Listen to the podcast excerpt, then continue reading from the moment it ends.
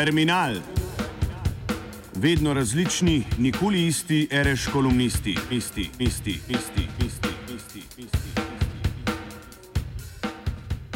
Svoji zdaj že klasični študiji o sporu med titoisti in stalinisti je Ivo Banac, ki je dan danes emeritirani ordinari Jelske in aktivni profesor Zagrebške univerze, ugotavljal, da je celotna zgodovina Jugoslovanske komunistične partije pravzaprav zgodovina frakcijskih bojev. To misel bi bilo treba, glede na zgodovinsko izkušnjo, generalizirati. Dejansko je vsa zgodovina marksističnih gibanj v znamenju frakcijskih trenj plen in prerivan, pa celo obračunavan, izključevan, onemogočen. Takšno stanje je za ljudi brez posebnosti, ki v večji ali manjši meri izpolnjujejo Leibnicovsko geslo teorija cum praxi, kar presenetljivo, saj vnaprej trajno določeni končni cilj prizadevanj marksističnih gibanj nikomor ne daje prostora za impresivnejše razlikovanje. Ločevanja bi načeloma lahko nastala samo pri vprašanju, kako priti do sklepnega stanja. To pa ni prostor, kjer bi se mogle pojavljati bistvene razlike takšne, da bi bili pristaši marksistične misli, ki od komunističnega manifesta dalje zatrjujejo, kako nimajo nobenih posebnih interesov, saj da so ti pri njih identični s proletarskimi, prisiljeni delovati nepovezano oziroma ločeno ali celo v vsem duhu kapitalizma konkurenčno in še manj imajo upravičil za medsebojni eliminacionizem. Dejansko bi morali biti le del znamenite slike Giuseppeja Pelice da Volpeda Il Quarto Stato z njenimi predhodnicami, ambašatori della Fame, La Fiumana in derivati. Med njimi je brez dvoma najbolj znan začetek Bertolučjevega filma Novecento. Čemu je torej sugestivna pelicova slika, ki je sjajen primer divizionistične umetnosti, tako daleč od stvarnosti, katere idealistična sublimacija je hotela biti? Zakaj so internacionale ena za drugo dokazovale, kako premorejo tisti, ki so se vključili vanje z upanjem, da imajo vsi v njih le splošen interes, pravzaprav mnoge neodmisljive posebne težnje, iz katerih so se porajale delitve, ločitve in obračuni? seveda so jazi, ki so pri tem sodelovali, imeli vsak svojo razlago. Vedno so bili za razcepe krivi drugi. Oni. Zmerom nekdo ni nečesa razumel prav in kriterij za presojo ustreznosti, ki je bil izdestiliran iz cilja, je bil zmerom jasen. Lepšega dokaza za bistvenosti opazovalca za zaznanost si ne bi mogel izmisliti niti oče fizikalnega načela nedoločnosti Werner Heisenberg.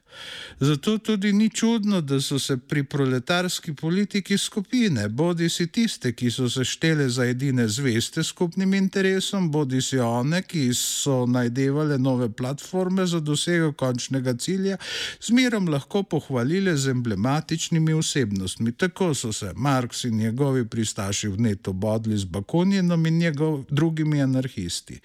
Pa potem le malo manj goreče z ljudmi, ki so sledili Ferdinandu Lasalo. Eno veliko generacijo pozneje so se počili marksistični papež Karl Kautski in njegovi prevrženci, ter bolševiki, ki so se šteli za ljudi posebnega kova. Potem je prišla ura stalinistov, trockistov, titoistov, pa maoistov. In to niso bili samo spori med voditelji, njihovimi razlagami, temveč tudi med politično organiziranimi masami. Surovo jugoslovansko leto 1948, ki ga je preučeval Ivo Banac, ostaja drastičen dokaz za to. V primerjavi s spori med dediči misli Karla Marksa so bila nesoglasja med pripadniki drugih taborov, tistih, v katerih prvaki niso skrivali, da so že v izhodiščih med seboj pomembno razlikujejo praviloma ne dramatični, celo komični, legendarni bavarski kralj Franz Josef Strauss, čigar delovalno moč so ljudje primerjali z atomsko centralo, varovalke pa s tistimi v hlevu, je dejal, da mu je pravzaprav vseeno, kdo je pod njim nemški kancler.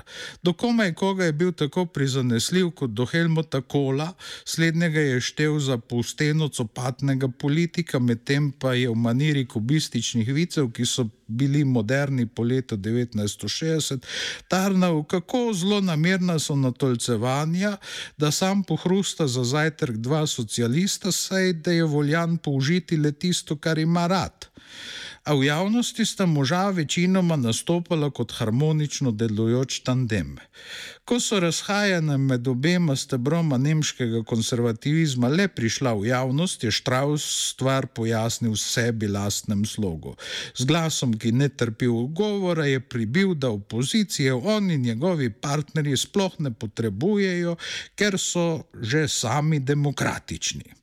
To zatrjevanje je zabavalo celo Štrausovega nepomirljivega rivala na levici, Vilija Branta, ki je pozneje menil, da bi bila brez temperamentnega prvaka iz Parksteina, čigar nebrzdani jezični, jezični koniček, ki je nekoč v parlamentu dokazoval, da najvišji vrh Nemčije pod socialdemokratsko liberalno vlado ni cuh špice, temveč njen državni dolg, če se tisočaki, ki so potrebni za njegovo poplačilo, zložijo en na drugega. Politika v celotni zvezdni republiki, še zlasti pa na obeh polutah bavarskega ekvatorja. Tako namreč v deželi modro-bele romboidne šahovnice imenujejo Donavo, mnogo bolj dolgočasna, kakor je bila.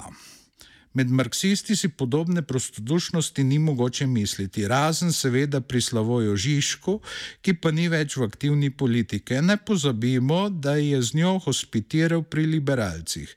Ti so tedaj, ko se je najvneteje družil z njimi, dajali jasna znamenja, da so jim njegove besede dobrodošel ščit pred resnobnostjo pri marksistih bi ga gotovo obravnavali drugače. Mnogi bi ga, nezaustavljivega govorca, čigar jezik štrli vsake vrste in vsake vrstice, celo imeli za tekmece, saj je nenehno analiziranje že odnegdaj njihova specialiteta. Tudi prepirali bi se z njim in to gotovo bolj kakor poštirkani Jordan Peterson, ki se je v dialogu s slovenskim teoretikom izkazal za debaterja, kakršnega bi Franz Josef Strauss po pravici ozaljšal s precej bolj popopranim pridevnikom od tega, s katerim je počastil Helmuta Kola.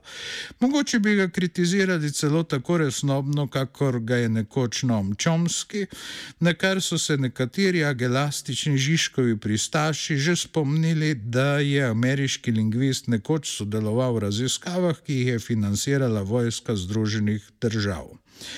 In že je bila odprta pot do nove delitve. Dneh, ko se progresivistično konceptualizirana politika planiranja v Evropi vse bolj navzema zelene barve, bo zanimivo opazovati reakcijo tistih, ki so možnost to vrstne usmeritve doslej videli samo v rdečem spektru. Če bo prišlo do novih delitev in ločitev, se pravi do nadaljevanja zgodovine frakcijskih bojev, se bo. Se ne bo moglo zgoditi nič prelomnega. Progresivizem vseh barov mora zmerom imeti nove koncepte in zamisli. Tisti njegovi zagovorniki, ki se utemeljujejo na lastni tradiciji, so dejansko že mrtvi, pa naj še tako krilijo in brcajo. Celo konservativci nekdanjosti ne jemljajo več za svoj program. Randolph Churchill, ki jim je v drugi polovici 19. stoletja odkril nova pota, ni bil za manj deležen navdušenja Karla Marksa, seveda tistega iz poznih let, iz časov, ko je bil bolj kot navdihovalec komunistov polihistor. Frakcionaško-ironistični terminal je pripravil Igor Gardina.